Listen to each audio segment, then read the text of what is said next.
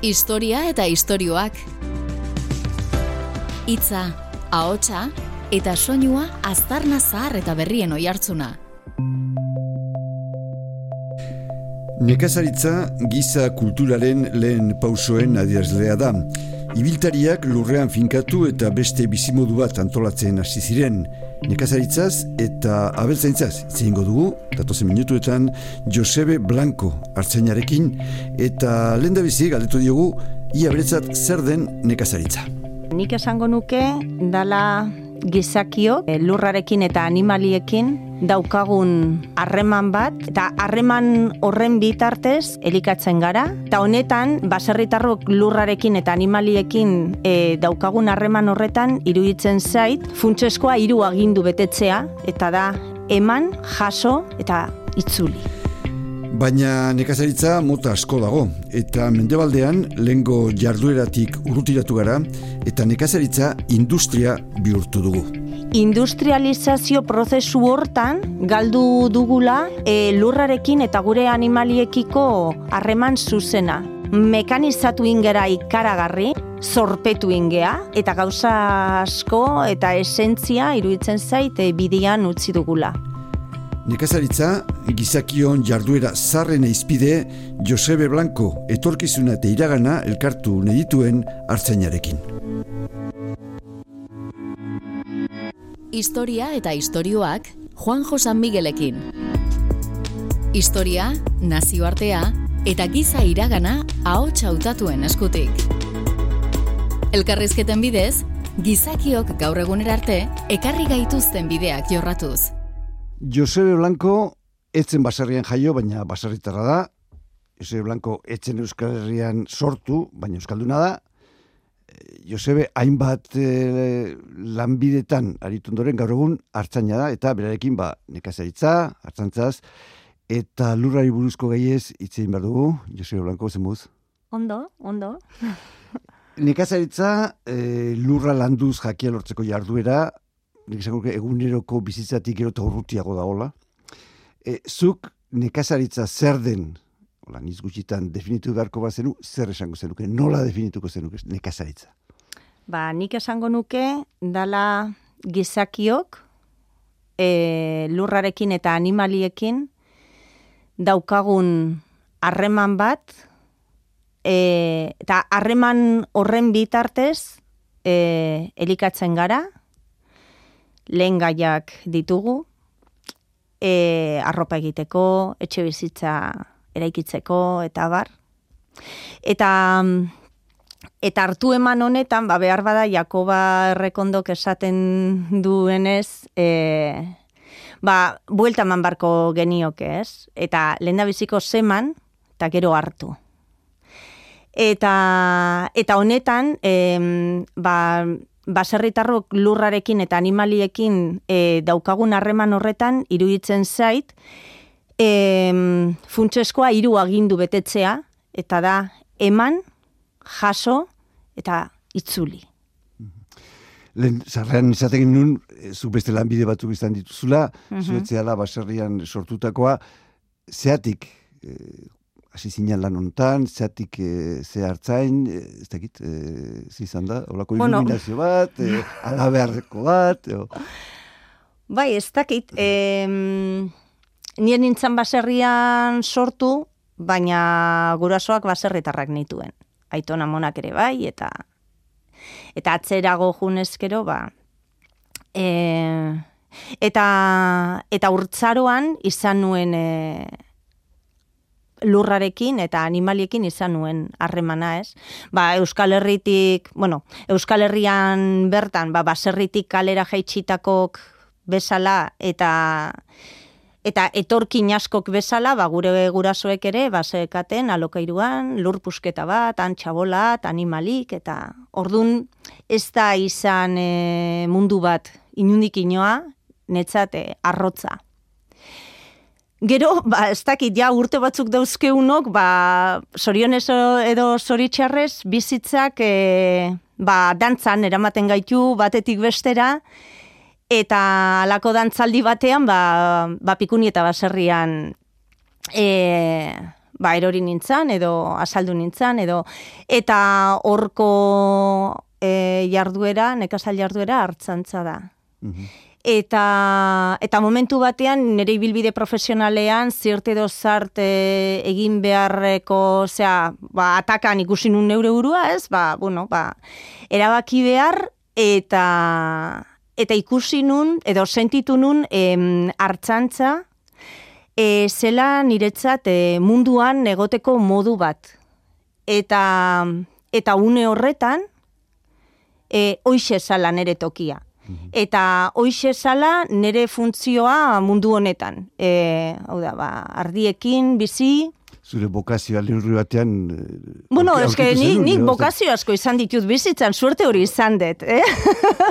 I, baino, bai, ba, une horretan e, sentitu nun, ba, hause da, neure tokia. Hmm. Hause da, e, hause da, mm, oin, nere biziari zentzua ematen diona. E, baserrian bizitzea, zentzu antzuolako baserria bai. da zurea.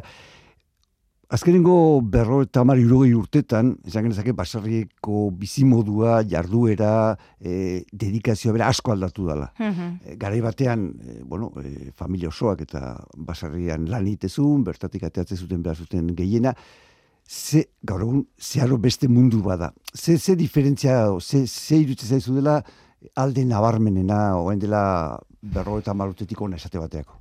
Ba, iruditzen zait, baserri munduan hartu dugula industria jarduerak eh, duen eskema.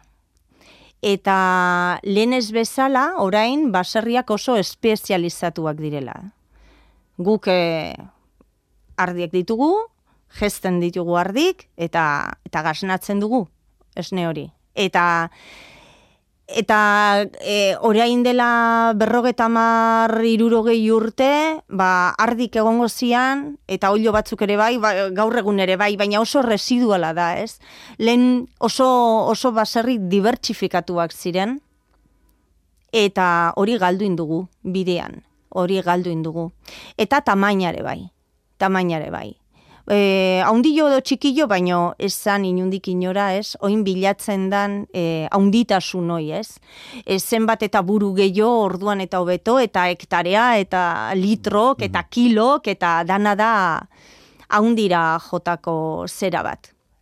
Eta beste hirugarren elementu bat e, azpimarratuko nukena da e, industrializazio prozesu hortan galdu dugula e, lurrarekin eta gure animaliekiko harreman zuzena. Mekanizatu ingera ikaragarri, e, zorpetu ingea, mekanizazio horren bila, eta, eta gauza asko eta esentzia iruditzen zait e, bidian utzi dugula. Honekin ez dut aldarrikatzen e, ez dugula makinarik erabili behar, baino baina mm, nire ustez e, beharko genuke ez dakit, norabidea markatu eta esan bo, gure helburuak izan behar du pertsonen e, neurriko baserriak izatea eta ez makinen neurrikoak. Hori izan behar, zutze, e, nekaza hitza ba, ez da, e, lurraekiko harremana eta lurretik behar duguna ateratzea den hori, ala da, e, definizio orokorran ebaldin mauzu, baina gero nekazitzan mota asko dago, hmm. eta munduan zer, eta dirudi edo ez da kanpotik ikusita Euskal Herrian eta bereziki Gipuzkoan oso eremu txikiko baserriak eta direla, eta badirudi baita ere hori ala izanik lurrarekiko harreman hori diferente izaitekela eta bizkat errespetu gehiago eta beste mugu bateko harreman bat izan genezakela, ez? Bai, baina aldi berean baserri asko utxik daude edo euren funtzioa honezkero ja ez da janaria sortzea, baizik eta bueno, beste funtzio batzuk e, betetzen dituztela, ez? E, aizialdia edo ostalaritza edo dena delakoa. Eta hor e, prozesu hortan ere gertatu da em, lur metatze bat. E, askoz mm, baserri gutxiago daude, nekasaritzan eta beltzaintzan lanean ari direnak, baina ondilagoak dira. Mm Jundira hartzen, e, utxi gelditu diren baserri hoien lurrak. Eta ordun, bueno, ba hor beste fenomeno bat daukagu eta erronka handi bat etorkizunari begira nahi nahi badugu e, gazteak e, baserrian e, bizitzea eta lan egitea. Historia eta istorioak. Hitza, hotsa eta soinua. Lehen aipatu duzu baserri industria, gari batean garbi zeon, hau da baserria, hau da industria, hau da beste ez da. Gaur egun, pixat, e, baserri industria hortan e, murgilduta daude, horrek zer agindu, ez bakarrik e, jakiak eta ekoizteko e, orduan, bezik eta zuen lanean, hori edo horren kontra zer egin edo, oain izaten genuna, jendea pixkat mundu hortara bildu dadin, eragozpenak izango dituzke, noski? Bai, em, hemen, hemen dirua eta espekulazioa tartean sartzen direnian, hor, hemen gauza asko gertatzen dira, ez? Eta instalatu nahi duen gazteak horrekin egiten du topo. Ze preziotan dauden baserriak, ze preziotan dauden lurrak, eta eta ze baldintzak esartzen zaizkion instalatu galizateko. Eta, eta hor... Em, administraziotik e, tamaina da gakoetako bat. Tamainoa eta eredua. Ta orduan e, ezinezkoa da gazte batek e, erabakitzea bo, e, amar behi jetziko ditut, eta olio batzuk izango ditut, eta baratzea ingoet, eta gainera astean bin, ba, astean bitan, ba, ogila ingoet. Hori ez da diruz lagundua izango. Eta hori benetan bideragarria da. E, gau, hemen, hemen kontuan hartzen baldin badugu, ba, elikadura, aipatu dezu lehen, ez, e, zure galderan, ez, elikaduran industria, niri hori ikaragarria iruditzen zait. Ikaragarria, ze sartzen ari gea, bizitzeko behar beharrezkoa duguna, espekulazioaren negozioan, New Yorkeko burtsan, eta mm-hmm. abarretan. Mm-hmm. Eta hortaz, e, pertsonaren bizitza kotizagarriak dira. Eta merkatuak agintzen du. Ez da bakarri nekazaritzen gertatzen hori. Ez ba, ez ba, ez ba, ez ba, baina aipatzen dut nekazaritza, ze, bueno, osasun gintzan ere gertatzen da, eta beste e, arlo batzutan, ez, funtseskoak direnetan, Bino, hoi da, astu iten zaigu, jaten ez badugu, hiltzen garela eta eta ez dakiz zenbat mila kilometrota dagoen korporazio batek erabaki behar baldin badu ze jaten deun, nola jaten deun, eta noiz? Ba, eh, oso menpeko, oso menpeko. Ba, gaur egungo gaztek, eh, claro, batzu, batzu dira, bueno, basarrian jaioak eta bizkate e, familia noitura jarraitu dutenak, eta bar, baina gaur egun ezin ezkoa zaio, ez? Gazte bati, bentsat, e, nekazaritza edo baserritar eredu bat e, izatea, ez? Nola inberko luke, badu aukeraren bat? Nik ustetu baietz, eh? eta, eta gure etxera etortzen dira gazte asko e, guofsarearen bitartez e, ikastera.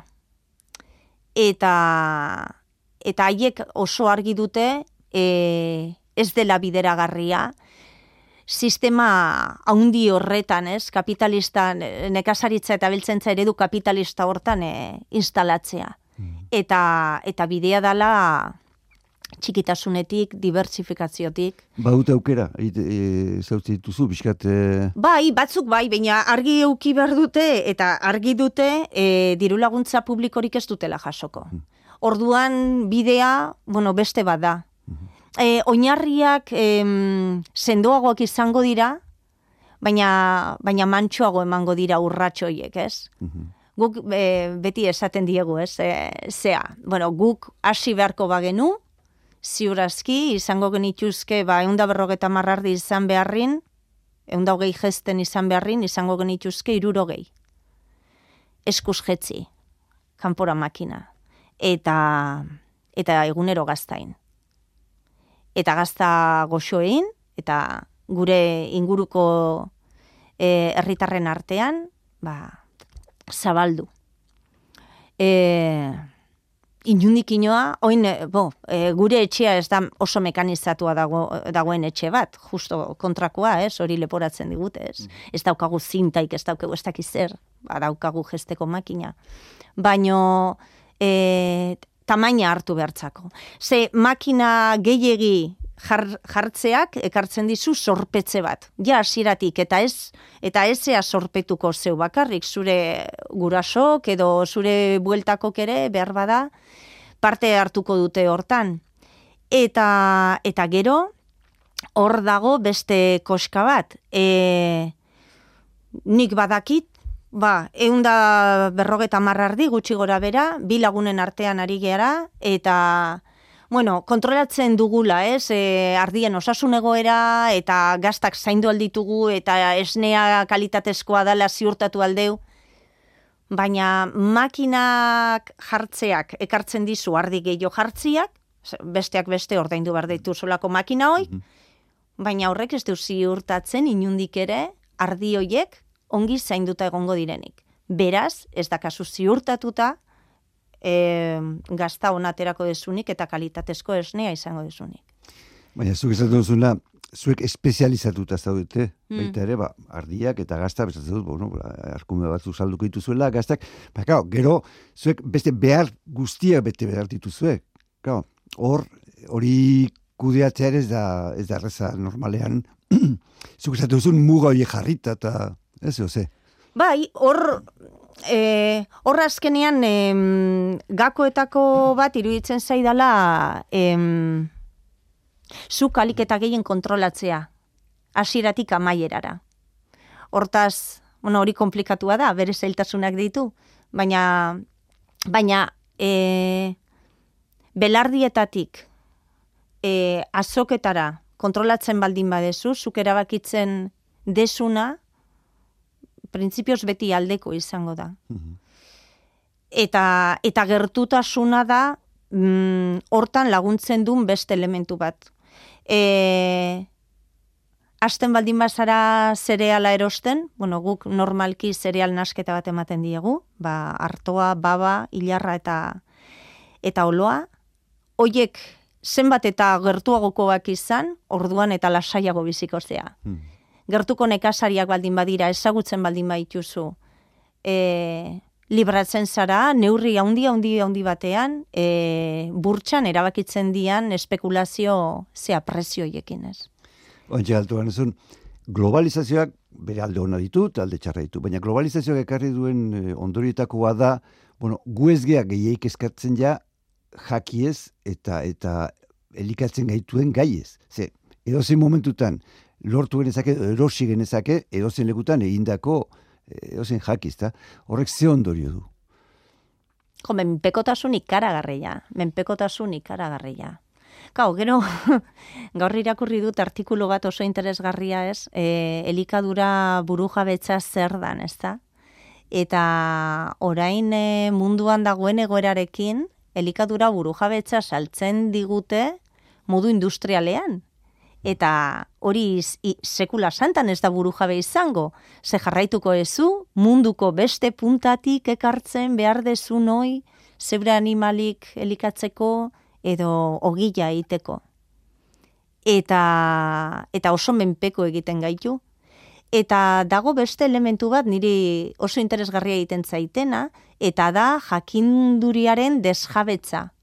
Nolatan, e, ahaztu zaigu, e, nolatan astu zaigun e, baratzan lanean, edo, edo identifikatzea porru bat eta asa bat familia ezberdinetakoak diala, edo ze sasoitan etortzen dian, edo ze behar du olio batek e, zera e, txito ateatzeko. Hori era bat galdu da.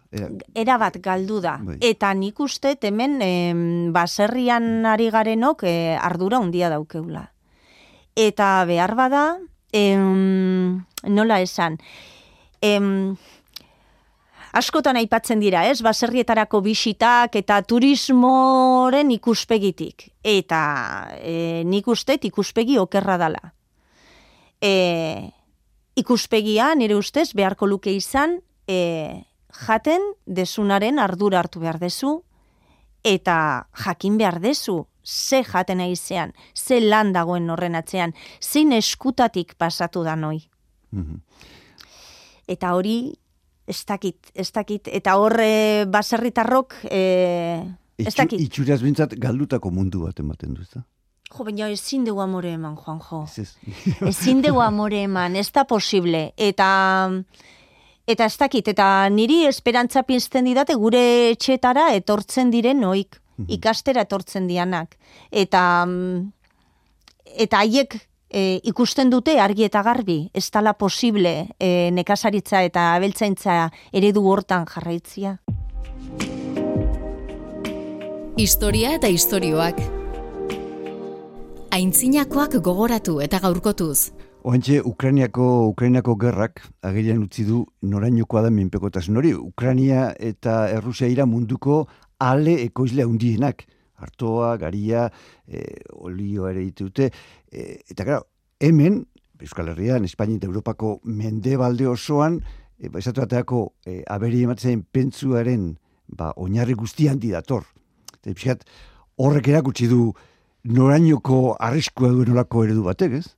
Bai, eta behar bada hasi behar deu pentsatzen, eta, bueno, ez dakit, sektoretik zer esango duten, baina janar, e, aragi gutxio jan behar dala.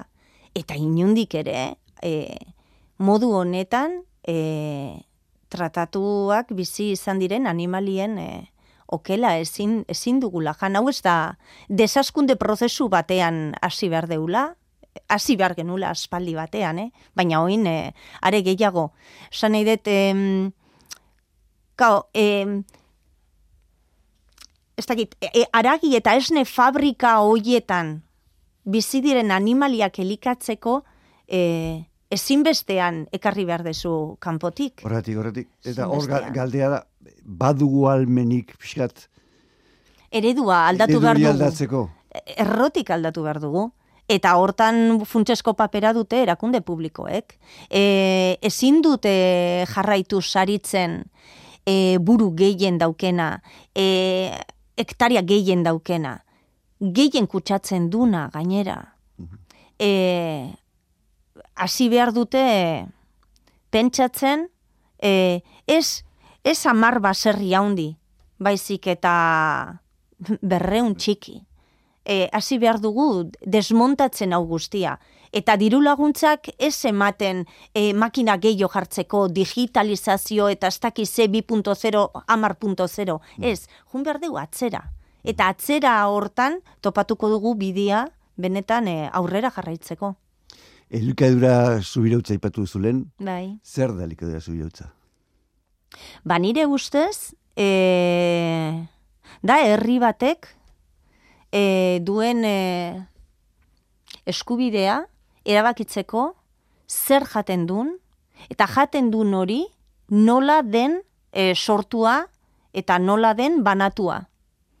Eta, karo, e, baldintza hauek, e, herri bakoitzak ere, e, zera, ezarri behar ditu, eta, eta hasten baldin bagara horren azpian zer da hon ikusten, e, ekoizpen eredua e, aldatu behar dugu. Baserrien tamaina aldatu behar dugu. Gure elikadura aldatu behar dugu. Gure harreman sozialak eta ekonomikoak aldatu egin behar ditugu. Hor, ezinbesteko aldaketak gertatu behar dira, e, benetan e, burujabe izateko. Mhm.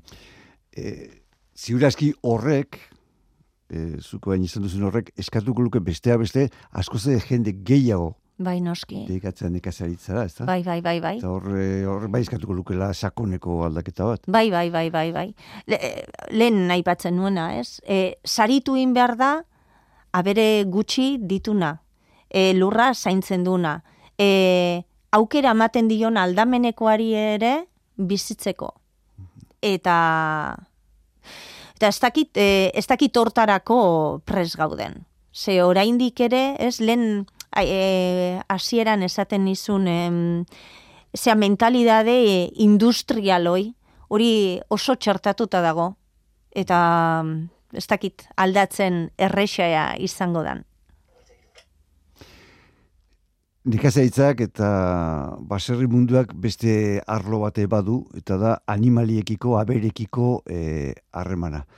Gaur egun, nik uste dute, oain dela urte batzu baino, e, sensibilidad undiagoa dagola horrekiko, lehen okerrago tratatzen genituen abereak? Jo, ba, ez dakit, pentsatzen dut etxetik etxera, ba, desberdina izango zala, ez? Animaliak, ez dakit orain okerrago edo beto dauden tratatuak, bai iruditzen zaitzuk esan desun bezala sentsibilitatea handiago daola, batzutan sentsibilitate horrek ere zalantzak sortzen dizkit, ze ez dakit zein ikuspegitatik eh, ari garen animaliekiko harremana eraikitzen, eta horrek eska sortzen dit. Eta mm, gero bada, em, bueno, ez dakit, eh, asko gustatzen zaite itzen, eh, itzen itzalera jutea, ez? Eta em, erakundeetatik esaten dutenean baserria ustialekua dala, niri e, otzikara sortzen zait. Eta ordun e, esaten digutenean em, ardietatik bizi garela, em, ardietatik bizitzeak badauka ez, ustiatzeko zera e, arima hori ez da. Eta, eta ezin zaigu astu gu ardiekin bizi gehala, Mm. lurrarekin bizi gehala edo behiekin bizi gehala. Ez, ez ardietatik. Eta, eta em, hain simple den eskema hau aldatuko bagenu, behar bada, gauza asko aldatuko lirateke ikuilu askotan, eta behar bada zentzua galduko luke e, aragi eta esne fabrika hoiek e, gure artean izateak. Gaur egun animalien eh, azkundea, elikadura, hilketa, guzti modu egokian egiten da, beste modu bat egin beharko genuke, zer ez du? Ba, nik uste mm, beste modu batean egin beharko genukela, ez dakit. Em, iruditzen zait, e, ez dakit, hormonak ibiltzeari eta lagundutako ernalketa egitari utzi beharko geniokela. Iruditzen zait, e, bide hortan, aukeragak eta genetiko hortan hartzantzak behintzat, bai, ego Euskal Herrian irabazi ditula esnelitroak, baina beste gauza asko galdu dituela, bide hortan eta mekanizazio horri begira jarri dela. E, iruditzen zait ez dela onargarria inundik inora aragi eta oker, eta, eta esne fabrika horiek izatia. Eta, eta nik asko eskertuko nuke gure animaliak etxean hiltzia. Iruditzen zait onena eurentzat eta, eta guretzat ere bai.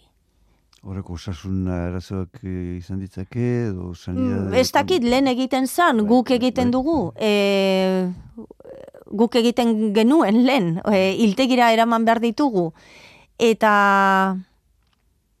eta animaliek e, ez dakit ez, e, hartzen duten tratua iltegira juten direnian, eta niri horrek e, sortzen dit, e, puf, egonezina.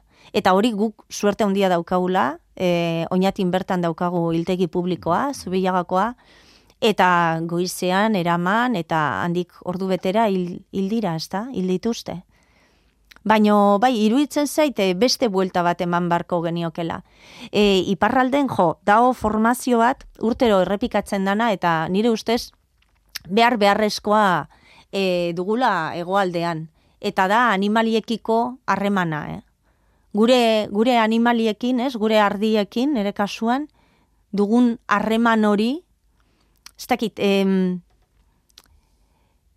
benetan onartu beharko genuke eh, harreman bat dugula gure artean, bi espezie ezberdin izan arren, eta, eta utzi beharko genioke eh, gauza eh, bilakatzeari, ez? Bai. Aldaketa normalean gizakiak animaliekiko harremana duenetik, fiat, bere probetxurako edo bere Bai, baina beti egon da, beti- erabilizan ditu, eta hor, zaizut, aldaketa Sakonekoa ez da. Ez dela erreza. Bai, bai. Ez, ez dela arresa, baina nik hor e, ez dakit. Hemen bai ikusten dut e, em, beste emakume hartzai batzuekin e, hitz egin izan detenian gai hauen bueltan, e, haiek kezka bera dute. Mhm. eta are gehiago haiek iparraldeko elkartetan eta doluari buruzko e, formazioak eskatzen dituzte, ez? Ze gauza asko gertatzen dira ardi bati arkumea hiltzen zaionian, edo, edo ardi bat hiltzen denian, mhm. edo, ez dakit, zu horren parte zara, ez da? Eta hemen, hemen ez da horri buruz hitz egiten, ez da... Oh. E, konta diguzu, kontatu diguzu, edo azaldu diguzu, pixkat nolakoa dan, gaur egun egoera, iragana nolako izan den, nola ikusten duzu itorkizuna? Nola ikusten duzu, baserriaren edo hartzaion edo lurrarekiko harreman eh, horren etorkizuna? Egunaren arabera. Egunaren arabera. E, iruditzen zait, e, e, lehen esaten izuna, ez, desaskunde prozesu batean sartu behar dugula, eta eta e, ez dakit, em, traktorea zenbat eta undilogo izan orduan eta gutxiago zikintzen zara, baina lurrarekiko harreman hori galdu iten dezu. Eta hori galdu ezkero dana galtzen deu. Eta menpeko bilagatzen gea. Eta orduan e, nik uste e, traktore hoietatik jeitsi behar deula, ez? makina hoietatik desengantxau eta hasi berriz be, beste, beste norantzko batean. Eta honekin berriz bediot, eh? ez, ez dut eh, aldarrikatu nahi, eh, ez eh, itzuli behar dugu, ez dakit, ez? Oin dela iun urteko bizimodura, inundik ere? Baina neurria jarri behar ditu geure buruari. Mhm. Eta batzutan ez dakit gai gean. Beste batzutan bai, pentsatzen dut, ba, gazte hauek, ez gure etxetara etortzen diren hauek, e, dakaten ilusio horrekin, eta eta ja, egindako usnarketa horrekin, ba, hauek, hauek aurrera aterako due, baina hain da, e, hain da undila eta hain da indartsua dagoen sistema, ez, inertziak hainbesteko zea dauken, dai. Ba, azken horrekin e, gehatuko gara. Jose Blanco, mila mila esker, azalpen hauek gatik eta zure esplikazioen gatik eta horrengo arte. Bai, berdin, besarkada bat. Historia eta istorioak Juan Josan Miguelekin. Historia, nazioartea eta giza iragana ahots hautatuen eskutik. Elkarrizketen bidez, gizakiok gaur egunera arte ekarri gaituzten bideak jorratzen.